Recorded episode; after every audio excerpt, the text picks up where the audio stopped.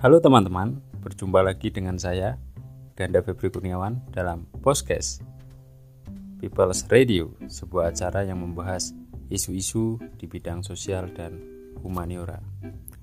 Kali ini pembahasan kita ada pada sejarah masa kolonial, yaitu tentang politik etis. Politik etis atau politik balas budi merupakan kebijakan yang dikeluarkan oleh pemerintah kolonial Hindia Belanda pada waktu itu sejak 17 September 1901. Politik etis mengawali sejarah dimulainya era pergerakan nasional di Indonesia pada zaman penjajahan Belanda. Lantas, apa tujuan, isi, dan dampak politik balas budi ini bagi bangsa Belanda maupun bangsa Indonesia?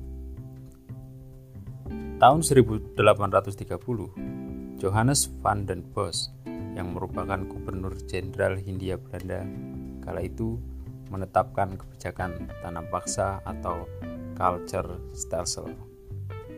Ketika aturan ini berlaku, masyarakat Indonesia dipaksa menanam komoditas ekspor demi kepentingan Belanda.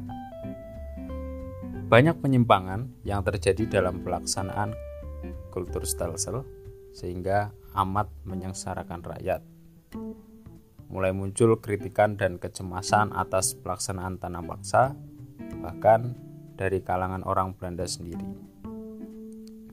Akibatnya, dikutip dari artikel bertajuk Politik Etis sebagai awal lahirnya tokoh-tokoh pergerakan nasional dalam website Kementerian Pendidikan dan Kebudayaan.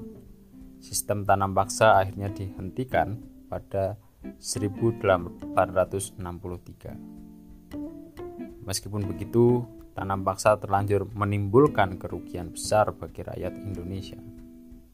Maka beberapa aktivis dari Belanda seperti Peter Brosov dan Van de Venter memprakarsai digagasnya politik etis sebagai bentuk balas budi kepada rakyat Indonesia.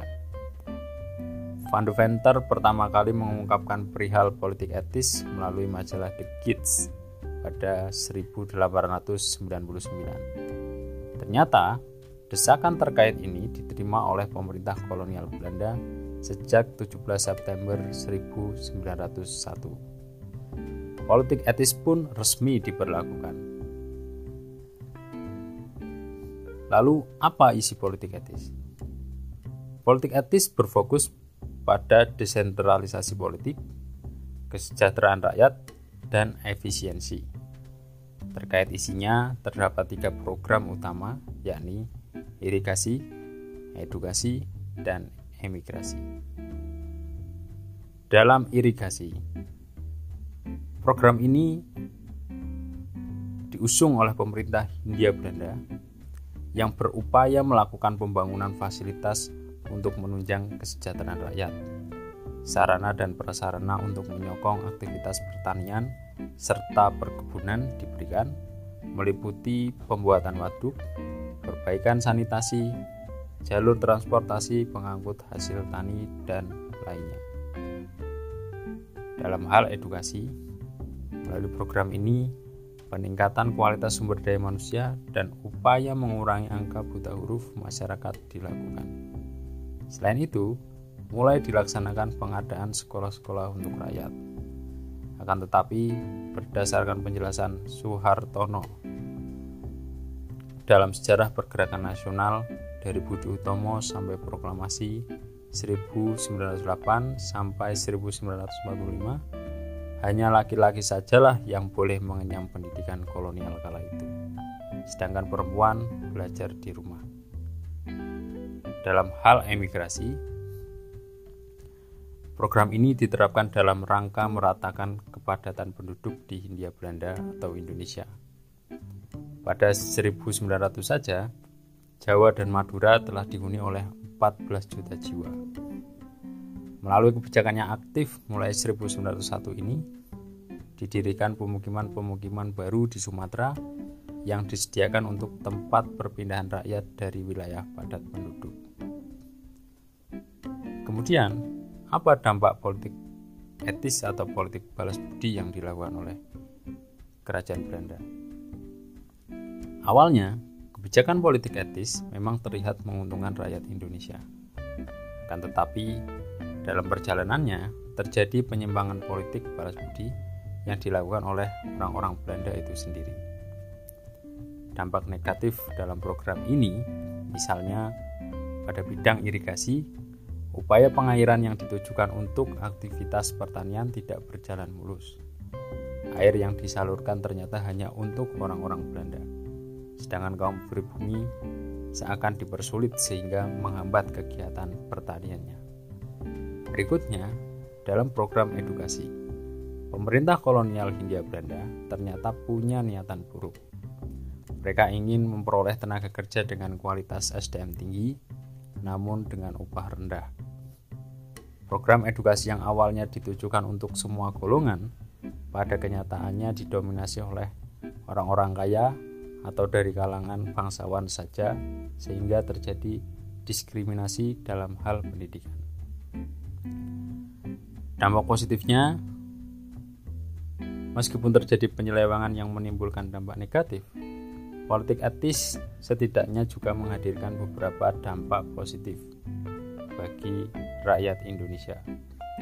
Misalnya, diterapkannya politik etis memicu lahirnya berbagai organisasi pergerakan dan perhimpunan yang bersifat daerah maupun nasional di Indonesia. Beberapa di antaranya adalah Budi Utomo, Syarikat Islam, Indi Separti, Muhammadiyah, dan organisasi-organisasi lain. Program edukasi yang diberikan dalam politik etis melahirkan kaum terpelajar dari kalangan pribumi. Mereka inilah yang kemudian mengawali era pergerakan nasional dengan mendirikan berbagai organisasi yang berjuang melalui pemikiran, pengetahuan, hingga gerakan politik.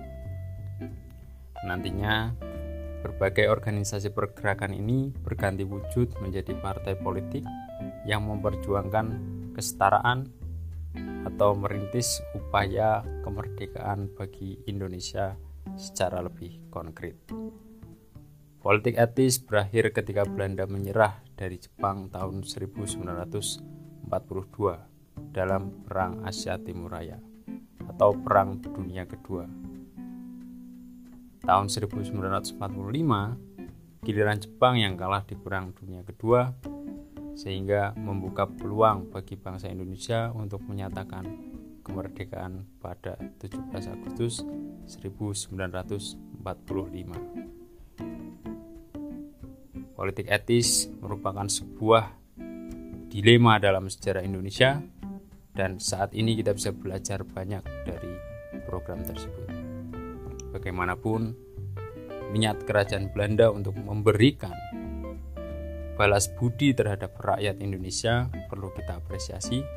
Meskipun di dalam implementasinya itu masih terdapat banyak penyimpangan karena perilaku kolonial pada waktu itu begitu kuat khususnya di dalam hal diskriminasi rasial.